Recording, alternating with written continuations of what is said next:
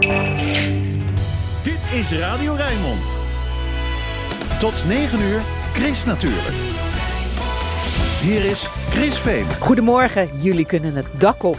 Met Chris natuurlijk en Jet Mauro. Op het depot van Boymans zingt de eerste koolmees in de berken. We zoeken het vooral op groene daken, maar roze of oranje mag ook. Die vogel met zijn oranje snavel broedt graag op kiezeldaken. In Vogelvlucht doen we de Rotterdam Rooftop Walk met uitzicht op de groene boomtoppen op de Koolsingel. Diep onder ons klinkt een tram. We bespreken groene boeken en wat er allemaal kan op jouw dak. En wat dacht je van een lang en uitgestrekt park bovenop een oud spoorwegviaduct? Een park voor mens en dier. Alvast dank namens de egel. Maar hoe komt die egel daar bovenop? Dat en meer hoor je vandaag in... Chris natuurlijk, met Chris Vemer. Oh, yeah, that's it, that's it, that's it. That's it, that's it, that's it, That's it, baby. Hey, mom, what your mama gonna say? You finally let your body like this guy. Does anyone wanna go waltzing in the garden? Does anyone wanna go dance up on the roof? Does anyone wanna go waltzing in the garden? Does anyone wanna go dance up on the roof? Does anyone wanna go waltzing in the garden? Does anyone wanna go dance up on the roof? Does anyone wanna go waltzing in the garden? Does anyone wanna go dance up on the roof?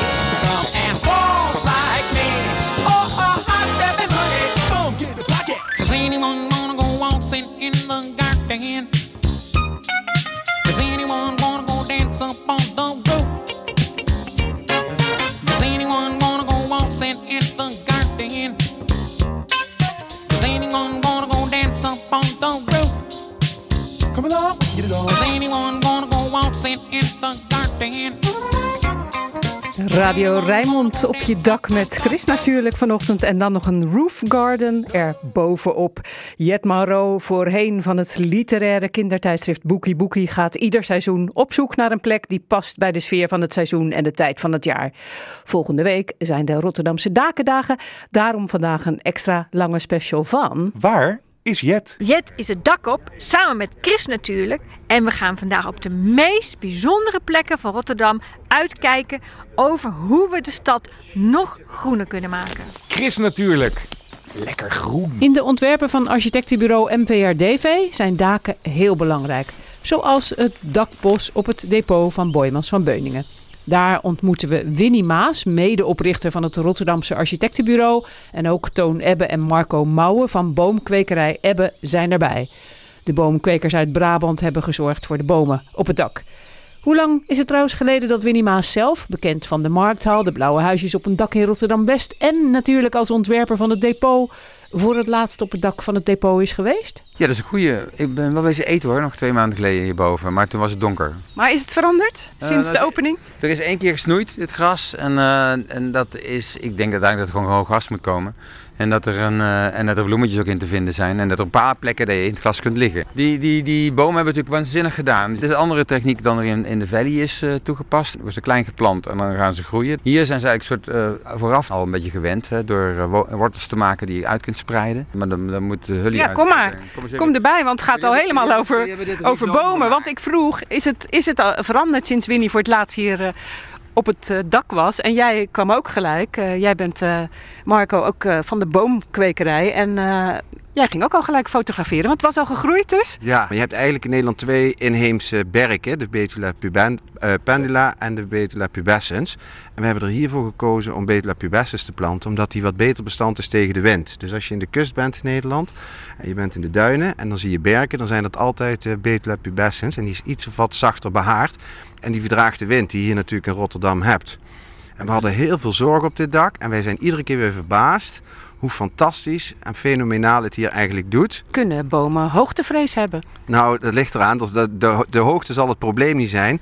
Maar met name de inrichting van de plantplaats en de wind en de tocht, die zorgen ervoor of een boom het wel of niet goed doet. We hebben ook Oostenrijkse dennen hebben we gekozen, omdat die ook bestand zijn tegen die wind. We hebben die natuurlijk in Kuik. Omdat die ook op bergen staan Ja, bijvoorbeeld. precies. Ja, inderdaad. Eh, die verdragen die wind en die verdragen ook dat kalkrijke substraat wat hier is toegepast. Heel veel daksubstraten, er zit heel veel kalk in, lava.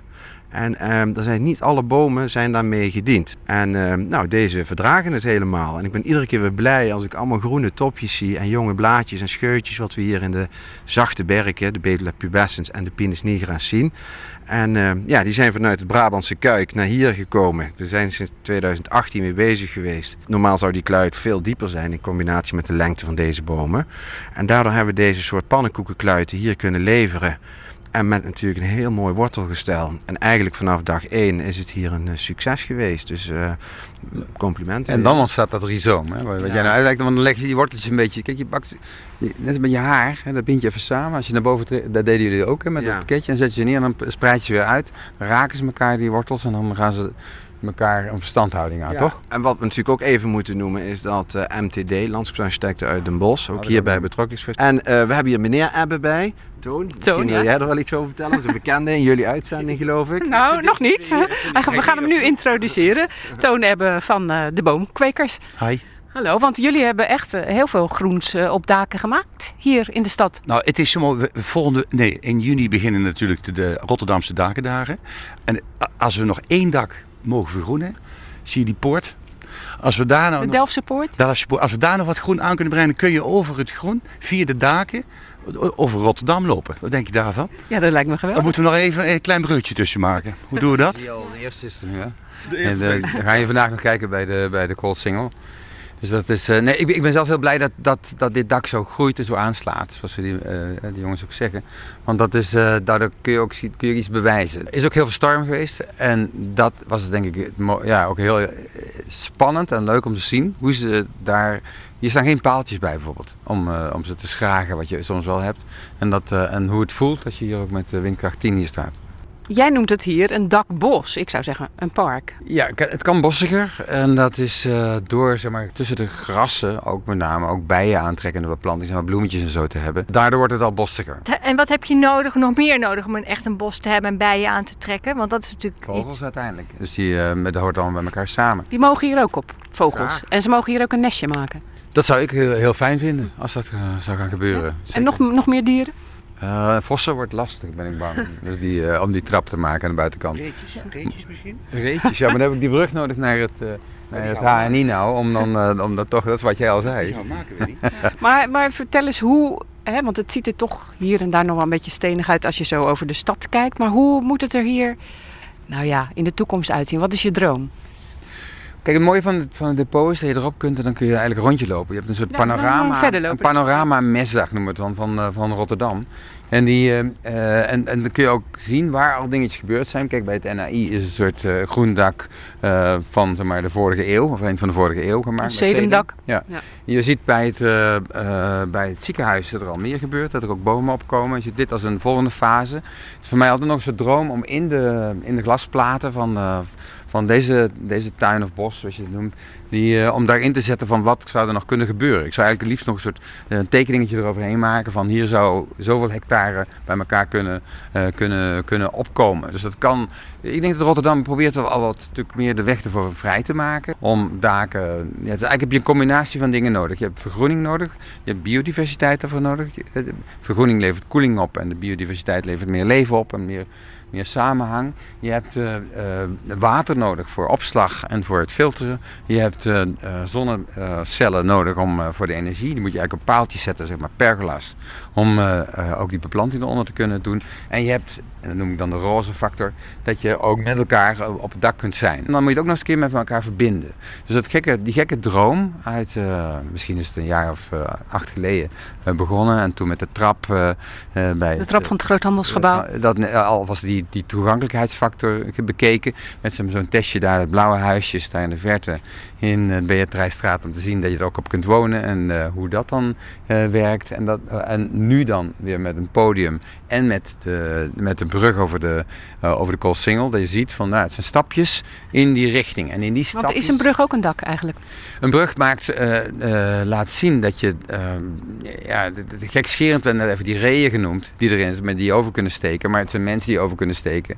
Daardoor vergroot je gewoon die, ja, die, die, die toegankelijkheid uit tussen, tussen de daken. Nou, dan wordt het dakpark in het algemeen het wordt groter. Het is natuurlijk een beeld van dat Rotterdam mm, zich klaarmaakt voor een stad die net eens, eh, iets volwassener wordt, die net weer ietsje uitbreidt en rekening houdt met eh, klimaatfactoren. Er is ook eh, weer een concurrentie, want eh, je wil zonnepanelen, je wil inderdaad eh, waterbuffers, je wil natuur op het dak, je wil misschien zelfs voedsel op het dak, hè, wat ook al in de stad gebeurt. Ja. Hoe kan dat? Nou ja, er zijn, er zijn inderdaad meer technieken voor. Bijvoorbeeld de voedselbossenbeweging en de, ook de pixelteelt. Die zorgen ervoor dat je meer kunt afwisselen. Dat je het een met het andere kunt verbinden qua groen. Dus biodiversiteit, voeding en bomen of zeg maar, zijn alle, alle drie dan in één keer eh, eh, met elkaar combineerbaar. Water en beplanting verdraagt zich ook vrij goed om dat eh, te koppelen en te bundelen. Eh, eh, ja, je moet plekken hebben om elkaar te ontmoeten. Dus moet je uitsnijden als plekken in het groen. En je wil ook dat er af en toe in gebouwd wordt. Zoals ook eh, misschien dat je er ook in een huis kunt eh, aantreffen of een nieuwe functie die daar is. Om dat ook te verlevendigen. Hè? Want je, eh, dat, dat hoort ook bij dat deel. En last but not energie. Er zijn natuurlijk een paar dingen. Je kunt met waterenergie ook nog, nog wat doen. Zeg maar met de watervallen naar, van boven naar beneden. Maar je kunt met, met zonne-energie nog steeds combineren. Ik riep al, of ik zei al van nou... Alleen pergolas in de toekomst in, eh, in Rotterdam. Wat houdt dat in? Zet ze altijd op paaltjes, die eh, zonnecellen, iets van 5 meter hoog. En dat is een goede afstand om ook beplanting daaronder te hebben. Het warmt niet te hoog op daaronder. En, eh, en als je ze op een bepaalde manier ritme zet, valt ook nog voldoende water doorheen. Dus die, dat is een manier om het een met het ander te verknopen. Je hebt ook nog de gevels, die kun je toch ook vergroenen? Is dat de volgende stap? Zeker. Ik heb al eens ge- uitgerekend dat alle platte daken van de wereld dat zouden vergroenen. Dan heb je al een graad koeling over de hele aarde. De, de groening van gevels zal er ook een bijdragen, want dat verkoelt zeg maar, met name de tussenruimtes van de straten. Dus dat, maar dat heeft iets minder eh, koelingseffect, maar eh, heeft wel enorm effect op de biodiversiteit. Over biodiversiteit gesproken, wat heb je daar voor beestje? Het is een larve van een lieveheersbeestje. Hij ziet er niet uit als een Nee, lieveheersbeestje. het ziet eruit als een krokodil. Hè? En daarom maken mensen ook vaak dood. Larve komt eigenlijk uit vier tot tien dagen nadat hij het eitje gelegd is. maar Wij- deze is hier vanzelf gekomen, of hebben jullie die, hieruit nu gezet? Die is hier Ja. vanzelf gekomen. Dat vind ik ook bewonderenswaardig. Dat op deze hoogte, want we willen natuurlijk heel graag vogels hier. En een roofvogel en een duif, die komen hier heel makkelijk broeden. Maar de kleine vogeltjes, en dat vind ik interessant, want dat weet ik niet. Misschien weet iemand anders het wel.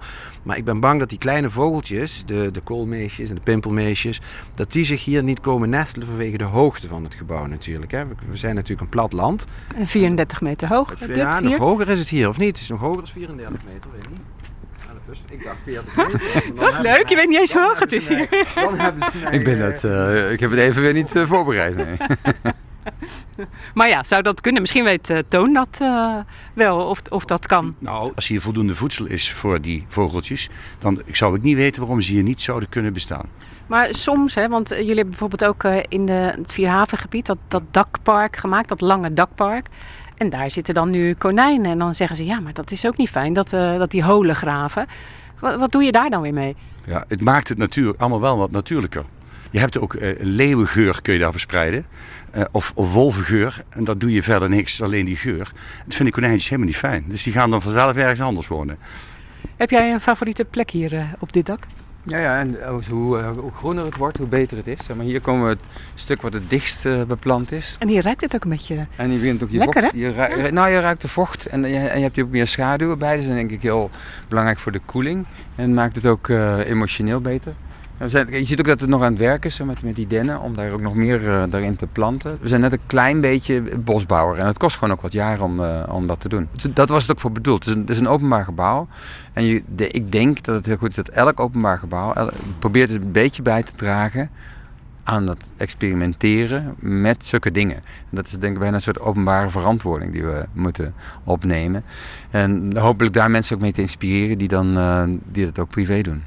Eh, o- overigens, net even gecheckt, het is 40 meter hoog hier. Ja, sorry dat ik ertussen Nee, kom. maar- Maar ik vind het eigenlijk zo leuk. Want we zeggen het is geen bos en zo wordt dan gezegd. Ja. En eigenlijk heb ik ben zo stout geweest er eentje uit te trekken. Want eigenlijk een bos is is, is, is, is een berg. Het is gewoon een zeiling van een berg. Ja.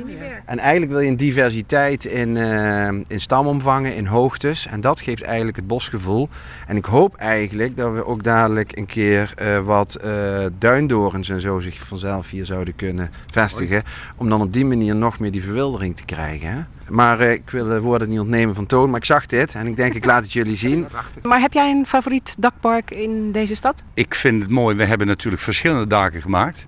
En het dakpark was mooi, maar ik vond de Erasmus Universiteit vond ik heel mooi. Omdat daar, het gaat om het thema gezondheid.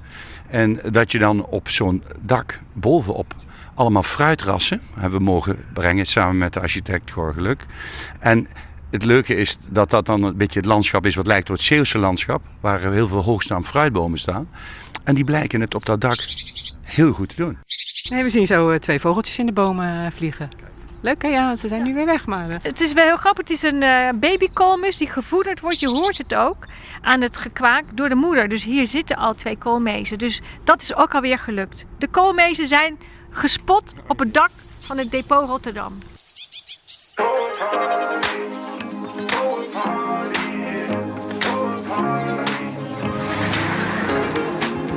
she moves like lightning, and she counts to three. And she turns out all the lights and says she's coming for me. Now put your hands up, this is a heist. And there's no one in here living gonna make it out alive. Load it up when the sun comes down. Two young lovers. Me and the girl straight out of town. Over the hills and undercover, undercover, undercover. She said, Green, green grass,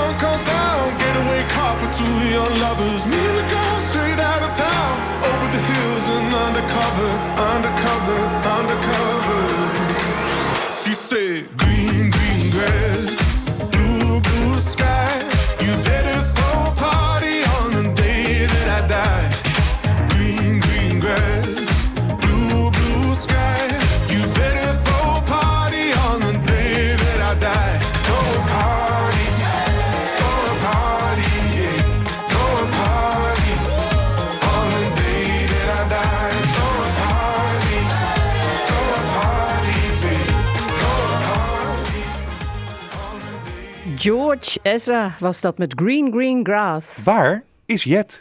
Chris natuurlijk en Jet Monroe steken hun kop boven het maaiveld. Op de daken moet je zijn volgend weekend tijdens de Rotterdamse Dakendagen. Vanaf het dak van het depot Boymans van Beuningen kijken we nu met Gijs Rikke en Winnie Maas van architectenbureau MVRDV op het podium in aanbouw. Behalve de blauwe huisjes bovenop een dak in Rotterdam-West en de trap, een tijdelijke witte stijgertrap langs het Groot Handelsgebouw in 2016, heeft Rotterdam nu twee nieuwe tijdelijke attracties.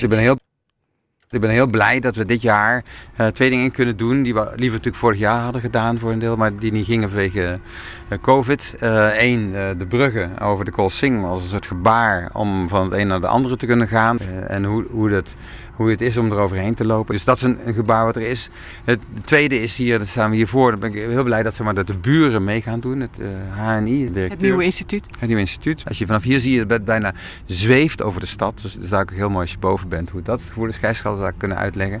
En uh, hoe je met een trap rechtstreeks vanaf dit gebouw, uh, vanaf het plein voor de depot, daar ook naartoe kunt gaan. En dan heb je een beetje weer meer dat gevoel wat zeg maar de toekomst van Rotterdam kan zijn. En dat is precies natuurlijk het, idee met zo'n dakendagen. Dat, je dat, dat het niet alleen een, een, een, festival is waarin je een biertje kunt drinken. Of, maar waar je ook eigenlijk ja, ook de mogelijkheden gaat zien voor uh, wat uh, ja, de toekomst van Rotterdam kan zijn. Ik noem het altijd de tweede opbouw. Dus na de wederopbouw gaan we naar die tweede opbouw toe. Waarin we die stad verdichten, intensiveren met mensen, met beesten en met, uh, met planten. En Gijs, die heeft het allemaal een beetje verzonnen? Gijs heeft helemaal gemaakt. Ik uh, denk dat ik daar dan wel hoogtevrees zou krijgen. Want hier is, glas en dan heb ik niet het idee dat ik uh, hier af kan vallen. Maar daar, Nou, jij, heb jij er geen last van? Nee, nou dan merk ik dat ik daar sowieso niet zoveel last van heb. Er komt een kleine trillingje zo in de benen als ik uh, bij de rand ga staan. Maar dan gaat het wel weer over. Ook omdat ik weet hoe secuur alles hier is gemaakt en is uh, gebouwd. Maar we hebben de balustrade wel ietsje hoger gemaakt zodat het lekker comfortabel voelt. Dus je hebt daar 1,30 meter hoogte waar je lekker op kan leunen. Hij is lekker diep ook, de balustrade. Dus hopelijk gaat dat bij jou dat gevoel een beetje wegnemen. Wat vind jij ervan, Jet? Nou, ik vind het een beetje, je hebt de, de toren van Babylon, die is gewoon nooit echt uh, voor elkaar gekomen. Maar dit is de trap naar Babylon, het podium van de stad. En ik ben echt zwaar onder de indruk. En eigenlijk denk ik, waarom is het niet eerder bedacht? Nou ja, misschien is het wel ooit een keer eerder bedacht. In de zin van dat de constructie die uh, het podium nu faciliteert, hè, de, de, de pergola, Winnie had het al over pergola's, dit was er eentje van Jo Koenen, die had de potentie al in zich om dit te kunnen dragen. En dat was eigenlijk de grote greep die we vonden. Dat het, uh, het is als een herkenningspunt geweest voor dit gebouw altijd. Iedereen herkent het gebouw van afstand daaraan. Alleen het heeft dus heel veel meer draagpotentie. Hè. Als we nu al gebouwen ontwikkelen waar meer op mogelijk was, dan heeft in dit geval Jo dat destijds ook al misschien wel voor ogen gehad. Want hier kon, ja, je kan 600 vierkante meter aan podium op en 200 tot 250 man tegelijk. Misschien Wat gaat er allemaal gebeuren dan op het podium? Uh, een, een, grote diversiteit aan dingen. Hè. Er gaan sportevenementen plaatsvinden waarbij mensen de trap gaan gebruiken als een, uh, als een fitnesselement om naar boven te rennen. Uh, er gaan exhibitions plaatsvinden, tentoonstellingen, er worden sprekers, debatavonden worden er georganiseerd. En een biertje drinken toch ook, want het hoort bij die dakendagen en bij dat feestje bovenop de stad. Dat zal ook gaan plaatsvinden. Wat vond jij het meest lastige om te maken? Ja, dat gaat een beetje gek klinken, maar het was eigenlijk niet lastig om het te maken. Het was eigenlijk een schets die in eerste instantie ontstond omdat wij een uh, tentoonstelling hebben op de zesde verdieping hier in het HANI.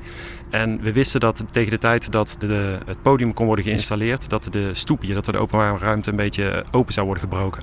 Dus we moesten eigenlijk een andere toegang hebben naar die zesde verdieping om toch een beetje ja, aantrekkingskracht te genereren. Nou, we zijn eigenlijk met die eerste schets begonnen die heel, heel simpel eigenlijk rechtstreeks naar het dak ging. En vervolgens bovenop dat dak een podium. En vervolgens zijn we aan de gang gegaan met de jongens van Dutch Tigers uh, die hier en ook de trap en ook de, de rooftopwalk bouwen. En daarmee zijn we eigenlijk met een, met een vliegende start in één keer doorgegaan en zijn we nergens echt, echt hele grote problemen tegengekomen die we niet uh, heel snel hebben kunnen oplossen. Want ja, het is gebouwd in een paar weken tijd. En waarom is het nou roze? Het is eigenlijk een, een, een idee geweest om het een frisse en aantrekkelijke kleur te laten zijn. Het mocht wel wat, wat spontaniteit en wat optimisme uitstralen. We hebben de blauwe huisjes uh, die daar staan. We hebben de witte trap gehad in 2016 en nu hebben we de oranje rooftopwalk en nu hebben we het roze podium. We missen nog een paar kleuren. Die moeten we denk ik nog even toevoegen aan het palet. Nou, dat belooft dat voor de stad. Eerst maar even genieten van het podium dat op 1 juni open gaat. En verderop in de uitzending gaan we ook nog naar de Oranje Rooftop Walk over de Koolsingel. En nu dalen we af naar de boekhandel in het nieuwe instituut. Chris natuurlijk. Lekker lezen. In de boekwinkel van het Nieuwe Instituut heeft Joost Degenkamp op verzoek van Jet een speciale tafel ingericht met boeken over natuur, daken, stedenbouw en groen. En volgens de boekhandelaar van het Nieuwe Instituut gebeurt er eigenlijk al heel veel op daken. Ja, sowieso gebeurt er momenteel niet alleen eh, hier op het dak wat, maar in eh, heel Rotterdam gebeuren al sinds een poos eh, allerlei in- interessante dingen op daken. En je zou in eerste instantie kunnen denken aan eh, het vergroenen van daken, maar je kan er ook op gaan wonen, je kan er tuinen op gaan aanleggen. En we hebben inderdaad met Jet een, eh, een kleine selectie gemaakt van boeken die je hier bij ons in de winkel kunt vinden. Ter inspiratie, niet alleen voor ontwerpers, maar ook voor eh, gebruikers. En Jet houdt dan van het bijenbalkon. Dat houdt ze nu op van Casper Jansen. Van een kaal terras naar een zoemend balkonjungle. Nou, hier word je toch meteen blij van. Dit is een boek. Iedereen die een terras heeft, balkon, maakt niet uit hoe klein of groot. Dit is het boek wat je moet vragen voor je verjaardag of gewoon omdat je vandaag een blije dag hebt. De blije bijendag. Ja, en eh, bijvoorbeeld, want jij hebt erbij gelegd de uitvinder van de natuur. Dat is ook een heel populair boek. Ja, eh, betreft het werk van Alexander van Humboldt. Eigenlijk een eh, wetenschapper die eh, opnieuw op ontdekkingstocht ging door de natuur. Dat heel goed documenteerde. En eigenlijk doen we dat nu natuurlijk nu weer. Hè. We we creëren weer in de stad nieuw, opnieuw ruimte voor, voor de natuur. We, we lichten tegels, we maken groene daken. En Alexander van Humboldt is een van de grondleggers eigenlijk eh, voor die herwaardering van die natuur. En dan heb je stadsnatuurmaker erbij eh, gezet. Met medewerking onder meer van een paar eh, Rotterdamse stadsmakers en biologen. Ja, onder andere Piet Vollaert, die zich al jaar en dag ook hard maakt voor het vergroenen van de stad en het toegankelijk maken van groene plekken in de stad. En hij heeft vanuit zijn architectonische achtergrond eigenlijk een samenwerking is die aangegaan met een aantal ecologen. Zoals bijvoorbeeld eh, Niels de Zwarte hier van het Natuurhistorisch Ja. Museum Bureau Stadsnatuur. Ja, en eh, nou ja, eigenlijk allerlei initiatieven, niet alleen hier in Rotterdam, maar eigenlijk in heel Nederland. Zelfs voorbeelden in het buitenland zijn opgenomen in dit boek. Waar we eh, interessante ontdekkingen doen, wederom in die natuur, in de stad. Nu vind ik dit natuurlijk een super titel. Er stond een vrouw in de tuin. Waarom zou ik dit boek nou mee moeten nemen? Niet alleen omdat Annemieke Bakker in dit boek een eh, fantastische inzetting doet over de positie en de rol van de ontwerpende vrouw in relatie tot landschap en tuinen. Maar ook gewoon omdat het een eh, mooi boek is. Het heeft onlangs een eh, belangrijke historische prijs ontvangen. En Annemieke is gewoon een hele aardige Rotterdamse dame. En dan zie ik hier zo super Rotterdam. Penthouses for the people. Wat kan ik met deze kaart? Ja, dat is eigenlijk een eerste inventarisatie van al dat eh, dakoppervlak wat we hier in Rotterdam hebben. We, we hebben, hoeveel kilometer hebben we ook weer? Wat Nou, ik had het eh, gelezen. 18 vierkante kilometer. Kun je nagaan. Eh, nou ja, goed. Joep Klabbers en Yvonne Rijbers hebben een inventarisatie gedaan van al die platte daken hier in Rotterdam. En proberen zo eigenlijk aan te tonen dat er wellicht, wellicht oplossingen zijn voor de huidige woningnood. Maar ook voor het eh, afvangen van eh, fijnstoffen door middel van groen, vergroening van daken. Er is kortom eh, een hoop te doen hier in Rotterdam. En dan hebben we nog natuurlijk de Rooftop Cataloog. Een tweetalig boek. Ja, dit is eigenlijk eh, ook wederom de potentie van de platte daken. Er is een onderzoek gedaan door het Dakendagenfestival in samenwerking met het eh, architectenbureau MVRDV. En die laten ook zien wat je allemaal op daken kunt doen. Je kunt er eh, bijvoorbeeld op parkeren, je kunt er eh, een park op aan gaan leggen. Je kunt iets aan doen aan milieu, energiewinning. Je kunt er Sporten. alles mee sporten. Ja hoor, Glijbaan van naar alles. beneden. Nou, en dit boek, een van de luisteraars die belt naar 010 436 4436, die kan dat boek winnen. Rooftop Catalog. Chris Natuurlijk. De weekendbijlage. Wat staat er in de weekendkranten over groen, natuur en milieu? Je hoort het in het overzicht. Ik lees het samen vandaag met Paul Verspeek. Paul, goedemorgen. Goedemorgen. Jij gaat beginnen. Zekers. Wie op een zomernacht geteisterd wordt door het gezoem van een mug, die voelt de moordlust toenemen. Toch hebben muggen ook een nuttige functie. In de wetenschapsbijlage van de Volkskrant acht inzichten over het gevaarlijkste dier op aarde. India en Pakistan beleven de ergste hittegolven in 100 jaar. Ook in Nederland zullen de hittegolven in aantal en sterkte toenemen, zegt klimaatwetenschapper Dim Kumu in het AD vandaag. De gezondheid van dieren kan flink lijden onder plastic, schrijft Trouw. Hoe dat bij de mens zit is nog onbekend. Deze zomer start een onderzoek naar het plastic dat we inademen. Werknemers die op vakantie niet gestoord willen worden door e-mails van hun werk, die krijgen hulp van IJslandse paarden, meldt het AD. Ze kunnen zich abonneren op een afwezigheidsmelding getypt door deze paarden. En de dieren beantwoorden de mail door over een gigantisch toetsenbord te lopen. En wat die paarden dan precies typen, bijvoorbeeld de HFF 9873 keer uitroepteken sterretje. Ik denk dat het Przewalski-paard zo ook ontstaan is. Ja, die zou leuk zijn als ze dat konden typen.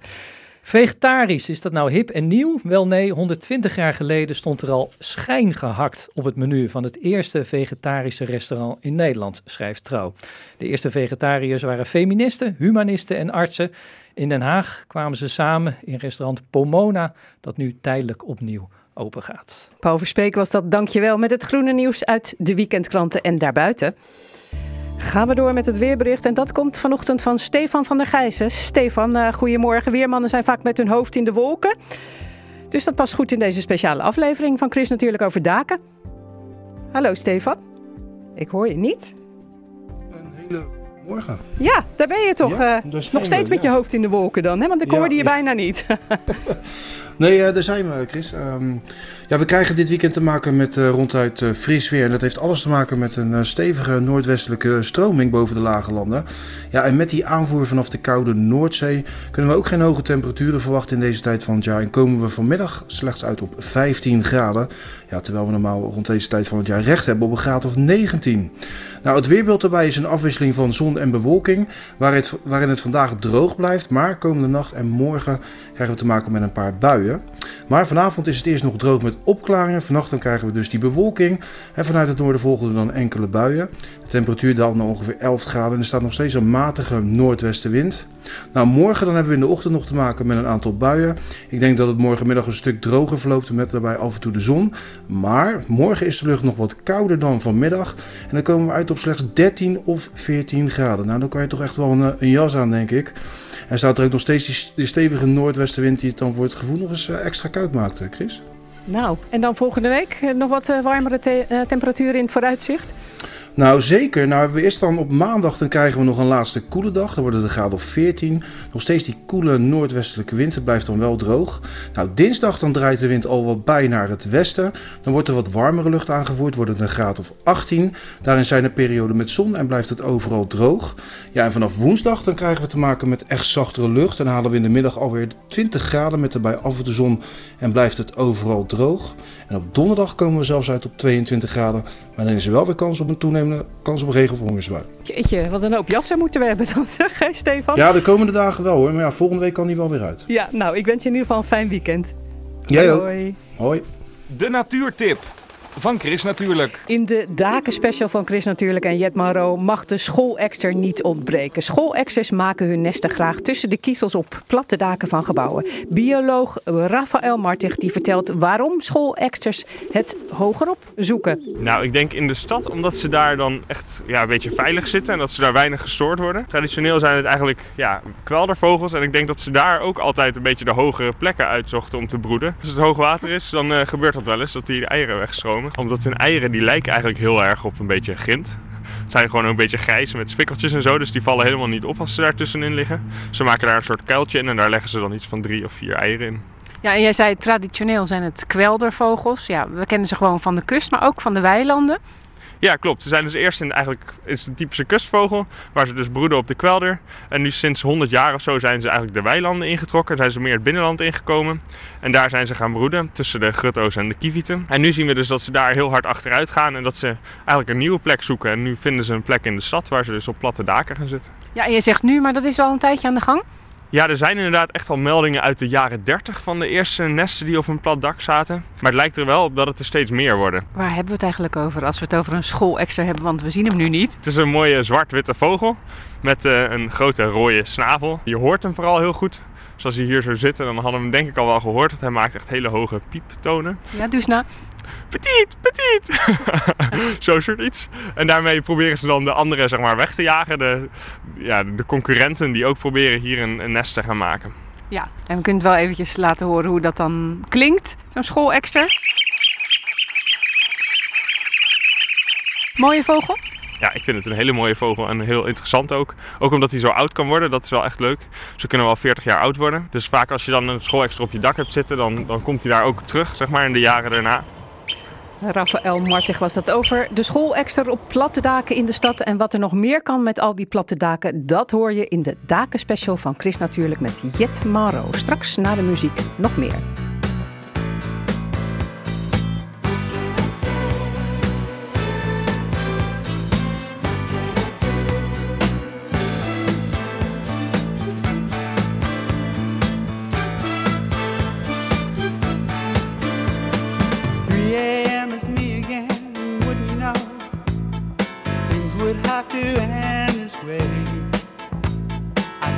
Best, the perfect guest knew when to go. Perfect, you knew when to stay. Come on, tell me that you're lonely, dear. I've been feeling down some too. After all this time now, ain't it clear? I've been waiting just for you.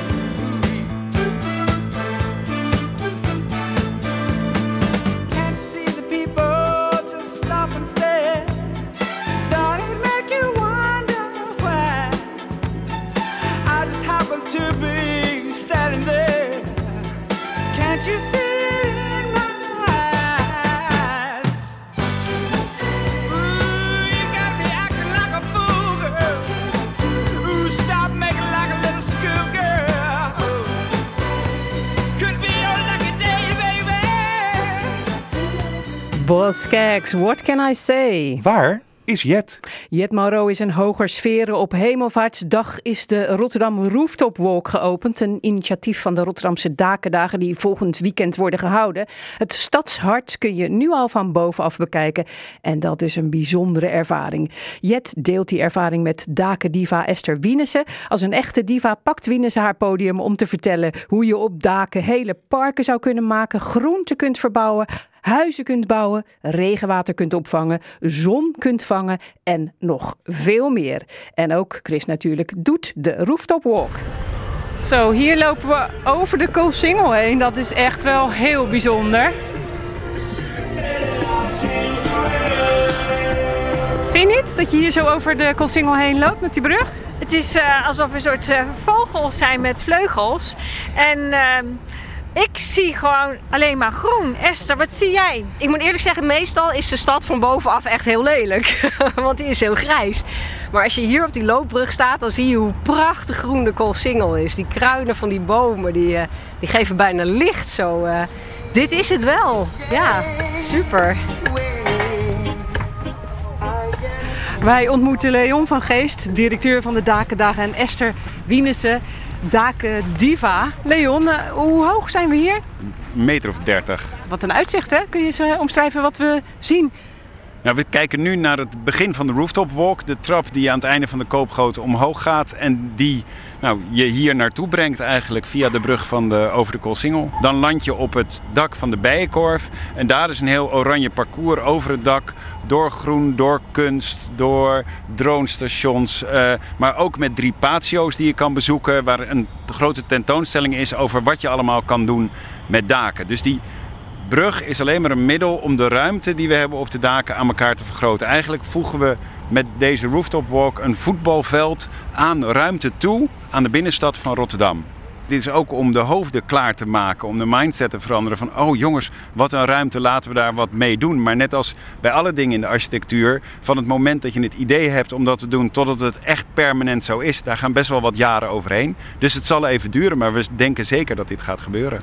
Ik ga even naar de Dakendiva. Wat vindt de Dakendiva van deze plek? Ik vind het fantastisch dat Leon dit doet. Vorig jaar Dakendagen, Leon, hebben we de dakencatalogus gelanceerd. Iets van 130 voorbeelden van wat er allemaal kan op het dak. Ja, en er gebeurt gewoon veel te weinig mee. Want ik ben al blij als mensen denken aan zonnepanelen en groen. Maar het is zo beperkt, weet je wel. En, en Leon laat met de Drakendagen en zeker hiermee zien... Rek de grenzen op. Er kan zoveel meer met je dak. En je stad wordt er zo leuk van. Het is toch magisch om hier te staan. Sinds 2016 eh, heb ik in ieder geval het Dakenboek geschreven. Het Rotterdamse Dakenboek en gelanceerd. En de Rotterdamse Dakentour. En heel veel presentaties gegeven. En heel veel mensen bewust gemaakt. En het duurde en het duurde en het duurde. Maar dankzij een hittegolf, er moet altijd iets gebeuren, eh stonden opeens de daken echt bovenop eh, eh, elke dag in de kranten. En dat heeft volgens mij heel erg geholpen. Dus dat het weersverandering, en de regen en de zon en de hitte, dat dat meehelpt om mensen bewust te maken van, maar er ligt heel veel potentieel en doe er wat mee. Hoeveel was het ook weer, Jet? Want jij weet dat. Het is in eh, Rotterdam. Ik heb het niet nagemeten, maar 18 vierkante kilometer dak. Heel veel mensen denken 18 vierkante kilometer, wat is dat dan? De Kralingse plas is 1 vierkante kilometer. Dus we hebben 18 Kralingse plassen aan ruimte op de stad liggen waar we niks mee doen. Je hebt een droom. Laat dan even zien hoe die stad er dan uitziet. Ik denk dat we hier die droom redelijk verbeelden. Dus er zijn verschillende plekken in de stad waar je als gewone bezoeker, eh, bewoner van de stad omhoog kan via trappen, via liften, om daken te bezoeken. Daken vormen een heel daklandschap, dus die zijn door bruggen met elkaar eh, verbonden. En op die daken mag je verblijven. En soms is er een park, soms is er een bowlingbaan, soms is er een tennisbaan, eh, soms is er een zwembad. En daar zijn verschillende manieren hoe je even kan ontsnappen aan de hectiek op het maaiveld. Maar het is ook altijd verbonden met het maaiveld. Het is niet zo dat we een nieuwe laag gaan creëren waar de happy few eh, leuk en gelukkig kan gaan zitten zijn. Maar het is publieke ruimte die voor iedereen beschikbaar is. Eh, veel bestaande bouw, dat is er niet op berekend. Dat, dat je iets doet op een dak, dus daar moet je altijd weer heel slim naar kijken. Ook hier hebben we echt goed moeten kijken van oké, maar waar gaan we dan alles neerzetten zodat het dak wat er al eh, 60 jaar ligt, het gewoon kan houden. Dus, eh, en hetzelfde geldt natuurlijk voor een brug. Je kan niet overal zomaar een brug neerleggen. Daar moet je ook met knappe koppen aan rekenen. Zo'n brug die er nu ligt, hè, ik denk, die mag niet meer weg. Als er een luchtbrug is tussen de WTC en, en de eh, Bijenkorf, van wie is die dan? Is die van de stad? Is die van de Bijenkorf? Is die van de eigenaar? Heeft de WTC verantwoordelijkheid over dat er geen inbrekers via het WTC naar de Bijenkorf komen? Je komt met hele nieuwe kwesties waar je over na moet denken. En daarvoor moet je eerst ja, een, een testfase in. En wij zijn de testfase om te kijken wat er dan gebeurt, tegen welke problemen je aanloopt, wat wel kan, wat niet kan. En eh, ja, wat mij betreft, laten we het doen en laten we dit soort dingen permanent doen. Zullen we even hier kijken op het dak? Wa- Wat is er wat jij mij wilt laten zien hier? Nou, ik wil je sowieso eh, het groen laten zien. We hebben een soort installatie gemaakt van verschillende soorten groen. Eh, hier komen zometeen nog windturbines in te staan. Die worden op de RDM gemaakt, flower turbines. En dat is ook een manier waar mensen niet eh, aan denken, maar om energie op te wekken. En ze zien er een stuk leuker uit dan zonnepanelen. Niet zo efficiënt als zonnepanelen, maar nog steeds een goede aanvulling op hoe we energie kunnen opwekken. We hebben daar beelden staan van eh Boymans van Beuningen, wat nu natuurlijk tijdelijk even dicht is. Een echte Renoir staat ertussen. En als het dak een publieke ruimte is, hoort daar ook publieke kunst bij. Dat is van Herman Lamers. Dat is een, een meisje wat enthousiast met haar hoofd in een emmer iets eh, staat. En ik Het vond zal wel het een heel- regenwater zijn wat zal opgevangen wel wordt. regenwater zijn wat opgevangen wordt. En ze staat heel mooi als, als jeugdige gekkigheid tegenover die klassieke beelden van boybands tegenover. Maar we hebben hier bijvoorbeeld hebben we, staat een grote V. En normaal gesproken denk je dat daar een H moet staan van helikopter. Maar dit is een vertiport. Dus dat is een plek waar eh, drones kunnen landen. Omdat wij denken dat in de toekomst daken gebruikt worden om pakketjes te bezorgen. En Esther, zie jij nog wat nieuws? Want eh, ja, jij weet natuurlijk al heel veel van wat er allemaal kan op daken. Ja, ik, ik ben ontzettend blij met al het groen. Toen ik het eh, eh, Rotterdamse Dakenboek schreef, heb ik ook een interview gedaan met de hoogleraar van Erasmus Medisch Centrum. En die hebben toen een, een dakterras aangelegd. En de ene helft van de patiënten kijkt dan uit op het dakterras en de andere op eh, groen. En dan gingen ze een onderzoek herhalen uit de jaren 70 waaruit blijkt dat uitkijken op groen is goed voor je gezondheid. En de mensen die uitkijken, de patiënten die uitkijken op groen, hadden minder klachten, hadden minder medicatie nodig en gingen 1 tot 1,5 dag eerder naar huis dan de mensen die uitkijken op de stad. Dus dat is mijn pleidooi elke keer. Maak alsjeblieft heel veel daken groen. Vooral de daken waar mensen op uitkijken. Want als we met z'n allen uitkijken op groen, worden we daar gezonder en gelukkiger van. Dus dat is ook heel belangrijk voor de stad. Het is mooi om hier te zien. Ja, en eh, we gaan nog een stapje verder. En dat gaan we zo ook zien want, eh, en horen. Want dan gaan we naar eh, de ontwerper van het Hofbogenpark. Want dan wordt er ontworpen voor mens en dier. En hij heeft ook heel veel aandacht om juist, dat moet je hem echt zo vragen, over hoe je het maaiveld met het dak verbindt. Dus bij hem is juist zijn de bomen, de bosjes zijn weer een, een, een manier voor dieren om ook bij dat dak te kunnen komen. Als ik dit hoor, denk ik wauw.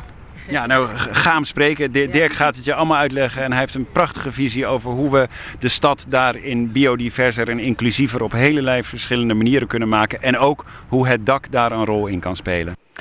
En de Rotterdam Rooftop Walk op de Koolsingel, die kun je nog doen tot en met 24 juni. De Rotterdamse Dakendagen zijn op meerdere plekken in de stad van 2 tot en met 5 juni. En wij gaan nu dus naar de ontwerper van het toekomstige Hofbogenpark. Chris natuurlijk, op Radio Rijnmond. Een park voor mensen, planten en dieren. Dat is het Hofbogenpark in Rotterdam. Het park is er nog niet, maar het komt bovenop het spoor van de oude Hofpleinlijn. De urbaniste, bekend van het eerste waterplein in Nederland, heeft samen met twee andere bureaus het ontwerp voor dit park gemaakt. Chris Natuurlijk en Jet Mauro die vragen aan Dirk van Pijpen wat hij ervan vindt om voor deze plek een ontwerp te mogen maken. Ja, het is een hele bijzondere plek. Eh, het is eh, twee kilometer lang eh, spoorwegviaduct, bovendien een rijksmonument. Eh, dus dat is al heel bijzonder. Het, loopt door, door vijf wijken in Rotterdam-Noord die allemaal zitten te springen om, eh, om een mooie groene eh, omgeving. En, ja, het is voor landschapsarchitecten en voor stedenbouwkundigen is het een once-in-a-lifetime project om zoiets te kunnen en te mogen ontwerpen. Er zijn een paar voorbeelden. Denk ik. In New York wordt veel naar verwezen. De High Line, een enorme toeristische trekker geworden daar. In Parijs heeft men een promenade planté. Maar we gaan er in Rotterdam ook iets heel bijzonders van maken. Ja. Ja, want eh, je ontwerpt voor mens, plant en dier. Hoe doe je dat? Ja, dat is inderdaad, te zeggen, het, uh, het Hofbogenpark, dat is all-inclusive. We zijn heel erg gewend om, om te ontwerpen voor, uh, voor de mens. Maar we hebben in het begin gezegd van nee, we, we vinden het belangrijk dat wij, wij maken deel uit van de natuur. Wij zijn natuur. En, en, wij willen dat park ook inrichten voor andere gasten, voor andere aardbewoners. Dat betekent dat je ook gaat nadenken over wat zouden de dieren dan willen. Wat hebben ze nodig om daar uh, te zijn, om daar uh, voedsel te vinden, om zich daar te verplaatsen, veiligheid uh, te vinden. En uiteraard ook hoe kom je erop en af. Want het is natuurlijk een dak, moeten we niet vergeten. Hoe komt een egel erop? Want die willen jullie erop, bijvoorbeeld. Ja, ja, alles is welkom. Um, sommige dieren, die, uh, dan gaat het wat eenvoudiger. Hè? Als je vleugels hebt, dan, uh, dan vlieg je en dan kom je dat dak wel op en af. En, uh, maar inderdaad, de kleinere zoogdieren, die hebben wat hulp nodig. Dus dan maken we daar ook een opgang voor. Ja. Ik noem het zelf een beetje de, een soort sneltreinverbinding, de hofboog, hè, tussen mens, stad en natuur. En je hebt waarschijnlijk dat je verschillende tussenstations hebt waar verschillende diersoorten, plantsoorten en insecten huizen. Hoe pak je dat nou aan? Nou, dit is, is een leuke, leuke vraag. Kijk, het begint ermee dat we nadenken over wat ook uh, dieren wensen. Wat mensen wensen en wat dieren wensen. En voor de wandelaar moet dat... Uh, moet het een fijne, groene, rustgevende omgeving zijn. Uh, noem het een landschap op hoogte. En dan laten we ons ook inspireren door de oude Hofbogenlijn. Uh, die, die liep van Delta via polder naar de kust. Dus we proberen ook die inheemse landschapstypes uh, om die een plek te geven op dat dak. Maar vegetatie is ook belangrijk voor, de, voor in ieder geval het, vinden van voedsel voor een aantal dieren. Insecten, planten die vruchtdragend zijn, waardplanten voor, voor de vlinder bijvoorbeeld. Een schuilgelegenheid voor de egel. Dat zijn allemaal zaken die in zo'n uh, project uh, een plek uh, krijgen. maar dat is een wandelpad, dat is, dat is het eerste. En langs dat wandelpad situeren we, een beetje met een knipoog naar de oude functie, perrons. Spelen met water is een, is een mogelijkheid op zo'n perron. Een pluktuin bijvoorbeeld, een, simpelweg een beetje luieren. Zit op een bankje. dus, dus er zijn allerlei activiteiten, ook afhankelijk van wat bewoners en, en bezoekers daar zelf zouden willen gaan doen, die, die een plek kunnen krijgen op die, op die zogenaamde perrons. Dieren, hebben die dan ook een perronnetje? Nee, de dieren hebben niet echt een perron. Ze zijn, uh, waar, waar, waar, we met name naar kijken is voor de geselecteerde doelsoorten die we, uh, die we mm, zeg maar, een plek willen geven om te kijken wat die nodig hebben. En dat is vaak inderdaad wel een soort schuilplek, continuïteit. Bijvoorbeeld de vleermuis heeft een continuïteit nodig van boomkronen of hogere bossages. Dus waar die ontbreken, vullen we die aan. We mogen eigenlijk nog niet op het dak, hè? dat is best wel jammer.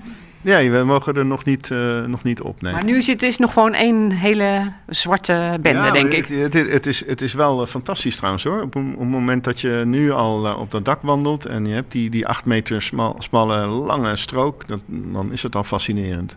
Want dan denk je ook, hoe, wat kan ik hier allemaal gaan maken? Ook dat, dat, dat, dat, dat, dat denk ik dan zeker. nee, maar wat heel bijzonder is, dat je, dat je boven, boven Maaiveld, letterlijk en figuurlijk boven Maaiveld bent. Dus, dus de stad klinkt heel anders. Het is dus toch een stukje rustiger bijvoorbeeld. Bijvoorbeeld. Ja, je kan ongestoord eh, door. Je hebt geen enkele eh, kruising. Je hoeft je in die zin nergens druk om te maken. En je loopt eigenlijk al door die boomkronen heen. Dus het is nu al... Je hebt prachtige panorama's op, eh, op de stad en, eh, en terug. Dus het is nu al heel bijzonder. Is het natuurlijk ook heel bijzonder voor de dieren, want de paddentrek, die hebben natuurlijk dan straks geen last meer van dat ze overgereden worden. Je hebt geen platte egels en geen platte padden meer door deze twee kilometer. Ja, moeten ze eerst nog wel even naar boven kruipen? Ja, ja, ja, ja. Goed, ik, ik, ik, ik moet eerlijk zeggen, ik ben geen ecoloog. Dus ik, ik weet niet of dat, of dat allemaal op die manier gaat. Eh, wat, wat, wat zeker zo is, een egel bijvoorbeeld, die legt toch per nacht eh, vijf kilometer af. Dus die zou, die zou prima bij de gordelweg omhoog kunnen, eh, op en neer en weer terug naar beneden. Maar het leuke is, jullie hebben natuurlijk ook, jullie werken samen met twee andere bureaus en iedereen heeft zijn eigen specialiteit. Ja, ja dat, dat klopt. Eh, we werken samen met eh, de dakdokters en met DS Landschapsarchitecten. De dakdokters die zijn eh, vooral gespecialiseerd in de meer technische deel van het ontwerp. Dus Ja, hoe- want hoe leg je nou een dak aan? hoe leg je en wat kan erop? Precies, en hoe zorg je niet alleen dat dat waterdicht is, maar hoe stapel je dan die verschillende lagen die nodig zijn om daar een park van te maken op? En DS Landschapsarchitecten, die, die, die, die zijn er vooral om ons met twee dingen te ondersteunen en, en mee, mee te doen in het ontwerp. Eén is meedenken over het natuurinclusieve eh, eh, aspect. Dus bij eh, DS, Maaike van Stiphout is onze sparringpartner. Die, die heeft veel meer dan, dan wij verstand van hoe die ecologie ook een plek zou kunnen krijgen en wat je daar dan voor moet doen. Jullie kennen we ook als waterspecialist. Ja, dat is, dat water is voor een park cruciaal. En met klimaatverandering hebben we eigenlijk twee eh, opgaves. Soms hebben we te veel water en dan hebben we daarna periodes waarin we te weinig water hebben. En, en eigenlijk is beide situaties in zo'n park de vraag van hoe ga je daar nou mee om. Dat, dat zit in dit ontwerp op een hele innovatieve manier. Heb jij nu al een favoriete plek? Ja, Nee, eigenlijk vind ik het meest fascinerend vind ik toch gewoon de, de, die idee dat je twee kilometer eh, kan afleggen zonder onderbreking, eh, al wandelend, eh, door, door één landschap op hoogte. Hoeveel plekken zijn er dan op en afgangen? Want je hebt natuurlijk twee kilometer, is best lang. Poeh, en ik weet het niet, even niet uit mijn hoofd, maar we hebben gezegd iedere buurt heeft in ieder geval zijn eigen eh, lift of eh, eh, opgang voor eh, minder valide. En dan zijn er eigenlijk op de, de strategische plekken, eh, sowieso met de plekken waar, waar grotere straten kruisen, is eh, in ieder geval ook een trap. Er zijn drie eh, dingen die jij heel belangrijk vindt. Ja, dat, dat klopt. Ja. Het, komt eigenlijk hierdoor dat ik was eh, vorig jaar in gesprek met Robert Hammond. En dat is de oprichter van de Highline in New York. Hij was een van de initiatiefnemers. Die zei laten we daar een park van maken. Hij was jarenlang directeur. En eh, we hadden een gesprek over de overeenkomsten en ook over de verschillen tussen eh, de Rotterdamse Highline en die van New York. En Robert Hammond was wel jaloers op, op drie eh, dingen die we hier eh, voor elkaar gaan krijgen. Althans, daar ga ik dan eh, vanuit. En het eerste is dat, eh, dat het Hofbogenpark niet alleen op het dak is. Dat is eh, die twee kilometer lang en acht meter smal. Het Hofbogenpark is ook de bedoeling dat de omgeving mee verandert. Ook mee vergroent of eh, verparkt. Eh, dus, dus het is een netwerkpark. Eh, en dat is hartstikke belangrijk voor, voor de ecologie. Dat je kan aansluiten op grotere ecologische structuren. Maar het is ook belangrijk eh, als, als, eh, voor in het gebruik. Want lang niet alle activiteiten die je in een park zou willen doen, die lukken op die hele smalle strook. Dus dan is het goed om grotere plekken, eh, zoals het eh, tak van Poortvlietpark of het Waterplein en ook de groene routes, om die goed aan te sluiten en ook te vergroenen. Dus dat is één. En het tweede eh, is, is daar waar, was wat Robert Hammond jaloers op was, was het idee van een all-inclusive park. Dus dat, dat we echt vanaf het begin ontwerpen voor de dieren en voor de mensen. En daar ook de beplanting op kiezen. En nadenken over hoe je daar voorzieningen voor treft. En het derde is eh, het slim watermanagement, het eh, urban water management. En Rotterdam is een deltastad. Uh, we staan bekend eh, als stad die innoveert. Het gebied van stedelijk water en klimaatverandering. Denk, ja, dat is dan zeker iets wat we hier ook gaan doen. En dat is ook nodig, want het is een enorm versteende omgeving. Rotterdam-Noord, dus er is weinig groen. Er is wateroverlast. En soms ook tekort. Dus er is alle reden om een soort slim watersysteem te gebruiken voor het park. En eh, ja, dat, dat, is, eh, dat is echt uniek, denk ik. Over tien jaar is het echt gewoon het, walhalla van Rotterdam geworden eigenlijk. Ja, gewoon ja.